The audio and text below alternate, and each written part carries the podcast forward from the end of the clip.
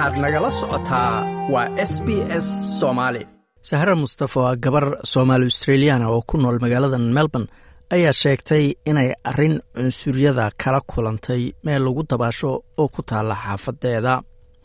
Dhacdadan ayay sahra sheegtay inay ka dhacday ivanhoe aquatic center oo ka tirsan golo deegaanka banyuul ama counsilka banyuul ee waqooyiga magaalada melbourne. Sahre ayaan weydiiyey sida wax u dhaceen waxayna tiri waxa dhacay waxay horta usbuucii hadda la soo dhaafay ahayd bilaagiisa waxa igu dhacay waxay ahayd cunsurnimo. Inay cunsuriyeyey waxaan aaday maxay ahayd to meesha dabaasha lagu barto oo counsilka uu leeyahay oo la dhaho ivanhoe aquatic center oo maxay ahayd jimka iyo aan aadi jiray sideed toban sano meesha aan aadi jira oo deriskayga ah marka waxa dhacday waxay ahayd meeshaan tagay memberaan ahayn marka aan galay gudihii u galay on raba inaan soonada galo ayaa nin oday oo caddaan ah intuu ilbaabka istaagay ayuu wuxuu yidhaahday ord soo qabayso soo dhaqa shalan ka dhahay ilbaabku iga xirtay markuu ilbaabka iga xirtay aan sugay markuu fadhiista inta ilbaabka iska furaan galay markaan galo dadka adiga ku eg way quraane orod soo qabayso marka waxaan ku dhahay adiga waxba kaama gelin waxaa ahe faraha iga qaad haddana wuxuu ii isticmaalay intuu qayliyo caytama wuxuu dhahay ereyga la leeyahay bich aad tahay soo istaageene waxay dhaheen saan ma ula hadli kartid gabadha ee maxay ahayd oo waad dab daran tahay shan iyo toban daqiiqa ka bacdi markaan ku jirnay ileen suunada waa meesha waa steam roomka oo kulaylka moogtaa markaan ku jirno toban labaatan daqiiqa markaan ku jiraan ka soo baxay biyo ama inta badan biyo qobo waa isku shubay waa ku noqonay markaan ku noqday ah ku arag haddaan nadiif tahay waa issoo dhaqday marka cunsurnimada waxay tahay dadka adiga ku eg way uraane orod isu soo dhaq waa gartay marka qoladii maamulka haysatay arrintan ma kala hadasha ha markii waa u sheegay waxaan sameeyey dacwadan gudbiyey oon ku dhahay saana dhacday cunsurnimo inay tahay. Ayaga laftirkeeda way aqoonsadeen inay tahay cunsurnimo. Yacni ninkan aniga asagana waa member anigana membera ahay. Waa laba qofooda waxaan nahay wida siman. Yacni ma ii diidi karo inaan meesha galay inaan ka soo baxay iyo ma ii diidi karo.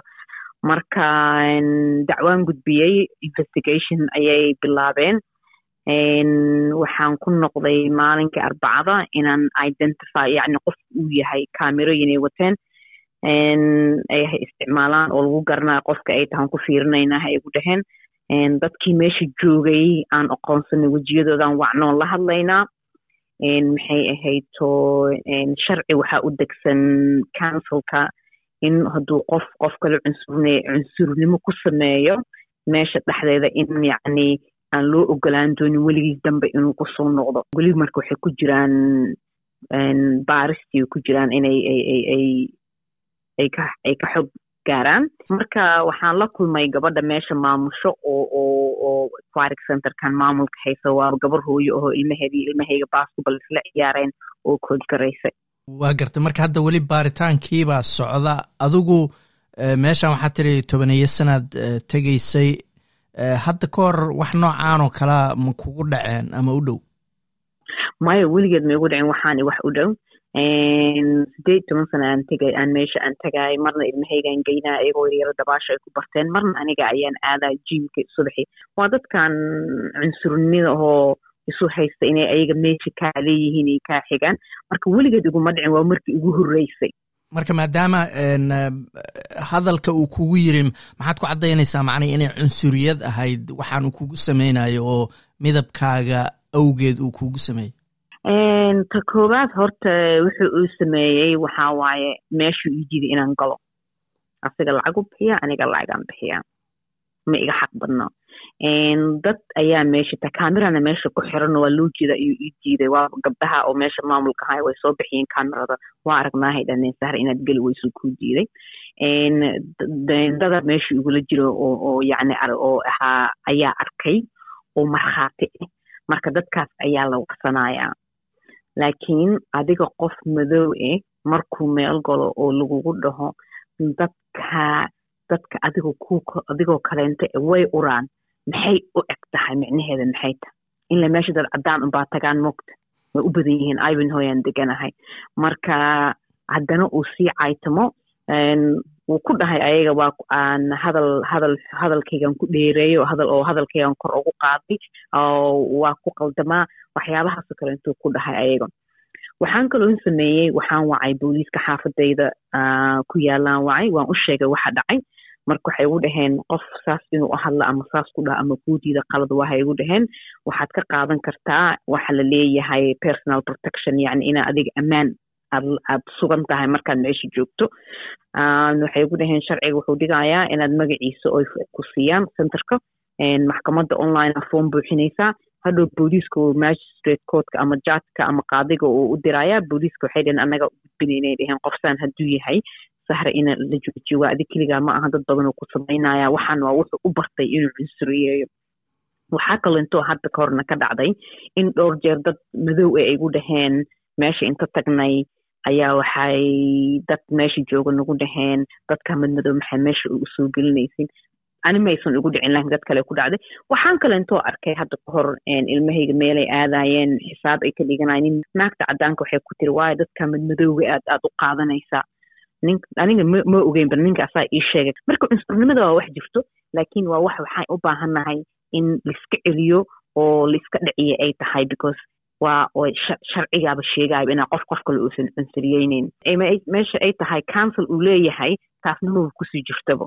Waa gartay. Marka maadaama hadda booliska waad la hadashay qoladii maamuleysay swimming poolkana waad la hadashay jawaabahoodii ilaa iyo hadda inta ay ku siiyeen inkastoo weli baaritaan uu socdo sidaa sheegtay ma ku qanacday siday uga jawaabeen arrintan? Waa si fiicana uu qancay markaan u sheegay dad dhalinyarada oo receptionka joogta wixii dhacay ayagaaba dhaheenba inaan samayno waayo incident dhacda inay dhacda inaan report garay wayna sahra ma baxaysid inloo i yaqaanaan. Mogta ayagaa qoren subaxii ku xigeen waa wacay. Waxaan ku dhahay c c t farm inaad soo bixisiin waxaan ku dhahay say ku dhacdo qofkan aniga asaga inaan simanahay inuu ii diido marka gabadha yartoo maxay ahayd oo telefoonka iga qabatay aad ayay yacni waa waa si fiican hawsheeda u qabteen gabadha meesha maamushana way ila kulantay marka waxay igu dhahday sahra maxay ahayd oo sharciga noo degan iyo policy qofka in la siiyo ama maxay ahayd guud ahaan meesha looga eriyo labadaas marka waxay dhahday sharcigana waa fiirinaynaa baaristaankana waa samaynaynaa haydeen wuxuu kugu sameeyey dadka qaarka meesha joogay qaarkood oo arkay way noo way noo caddeeyeen wuxu uu dhahay iyo wuxu uu sameeyey marka wayba la hadleenba qaarkood. Waa gartay. Marka muhiimadda adiga ay ku leedahay inaad arrintan dadka la qaybsatid oo warbaahinta ka hadashid maxay tahay ujeedadeedu ujeedada waxay tahay waxaan maalin kastay ku dhacaan dadkeena madoowe ah ilmahay ku dhacaan iskuulka ay ku dhacaan. Hadda waxaan la shaqeeyaa hay'ad la dhaho african course ilmo badan oo afrikaan ee iskuulka lagu soo cunsuriyaa marka cunsurnimadanayta in laiska dhiciyo oo loo istaago oo maxay ahayto oo dadka cunsurnimadan samaynayana ay joojiyaan. Waa gartay marka adiga ahaan arrintan kugu dhacday maxay kaa bedeshay dareenkaagii qof siyaasadda u istaagtay baad ahayd ku dhex jirta bulshada waqti badan waddanka deganaa arrintaanu maxay kugu keentay maxaad dareemaysaa wallahi waxay keentay waxayd inaan yani qof aniga oo saad sheegaysa aan ahay haddayba ani igu dhici karto say maxay maxay tahay marka dadka aan dadkeena aho yani aan dadka ku dhex jirno siyaasad taagno la aqoonin ka waran haddayba anigii la yaqaana igu dhici karto. Marka waxaan u arkay haddee aniga inay igu dhacda inaan wax ka qabto inay tahay oo aniga aan dadka qofka saan oo kaleento ah oo cunsurnimada ku samaynayo dadka in laga qabto marka waxaan u dacweeyey oon dacwada u furay oon booliiskana aan oo la xiriiray waxay tahay qofkan in la joojiyo. Markuu berri meelaha uu maraayo oo qof madow oo arkay inuusan cunsuriyeynin waa gartay dad baa dhihi kara hal shaksi buu ahaa ma aha system ama qolada maamulka ma ahayn ama dowlad ma ahayn. Mararka qaarkoodna meelo kala duwan baa laga yaabaa qof ama iska wareersan ama iska caraysan ama inuu kelmado kugu tuuro. Marka dadka ay dhici karta inay dhahaan wax weyn maaha sahar maxay arrintan wax weyn uga dhigaysaa? Maxaa dhihi lahay wallaahi wax weyn. Wallahi qofkii madoobay horta wuu ogyahay in la cunsuriyeeyo inta badan oo la hadlay afrikaankeena ama soomaalideena ha noqoto aan la hadlay oo dhaheen wiilal waxaan arkaa inta ku dhashoona waxay dhaheen markii telefoonka nalagula hadlay oo normal inaa oosinahay markaan shaqada imaano arka inaa madownahay oo adiga miyaa ahayd ismaaciil in la dhahay. Marka in la cunsuriyeeya taas su'aal maba maba ka joogta laakiin waxaan u istaagayo because waxaanayta waxaa waaye waa cadaaladnimo waaye mogtahay marka qofka uu cadaalad darro uu galo waa in laga qabtaa dadka.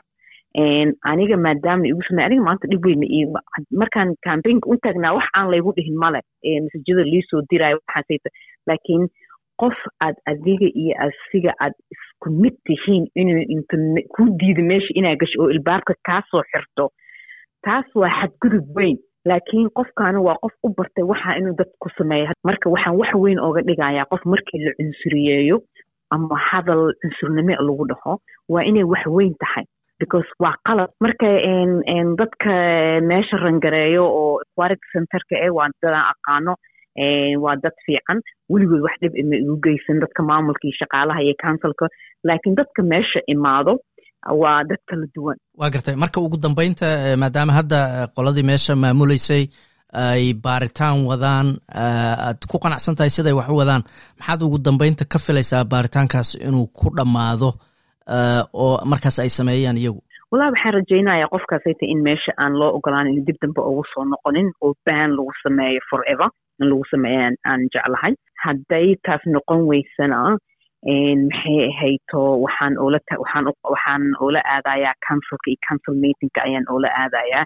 Yacni inuu ay u ogol yihiin marka ma raba inaan ka hormaro go'aan ayagoosan gaarin. Laakiin go'aankaasa arkaynaa go'aankaas markaan arko waxay dhahaan waa arkaya laakiin aniga waxaan aaminsanahay dadka shaqaalaha oo maxay ahayto maamulka haayo inay sida saxda ahay samaynayaan golaha deegaanka banyuul oo leh maamulana ivanhoe aquantic center ayaan sidoo kale weydiinay su'aalo la xiriira dhacdadan iyo eedaha ay sahra soo jeedisay. Waxa ay ka og yihiin iyo waxa ay ka qabanayaan. Su'aashii ugu horreysay oo ahayd ma leedihiin siyaasado lagula dagaalamo ama looga hortago cunsuriyadda iyo takoorka ayuu banyuul council waxa uu uga jawaabay sidan. Golaha deegaanka banyuul waxay leedahay siyaasad aan u dulqaadan habdhaqanka aan la aqbali karin ee qof macaamiila uu ku kaco. Kuwaasna waxaa ka mida habdhaqannada cunsuriyadda iyo takoorka ah. Waxaan kaloo weydiinay banyuul council waxa ay doonayaan inay baaritaanka ay wadaan ku ogaadaan waxayna ku jawaabeen sidan waxaan aad uga xunnahay in qof macaamiila uu la kulmo habdhaqan aan la aqbali karin. Arrintana aynan yaraysanayn.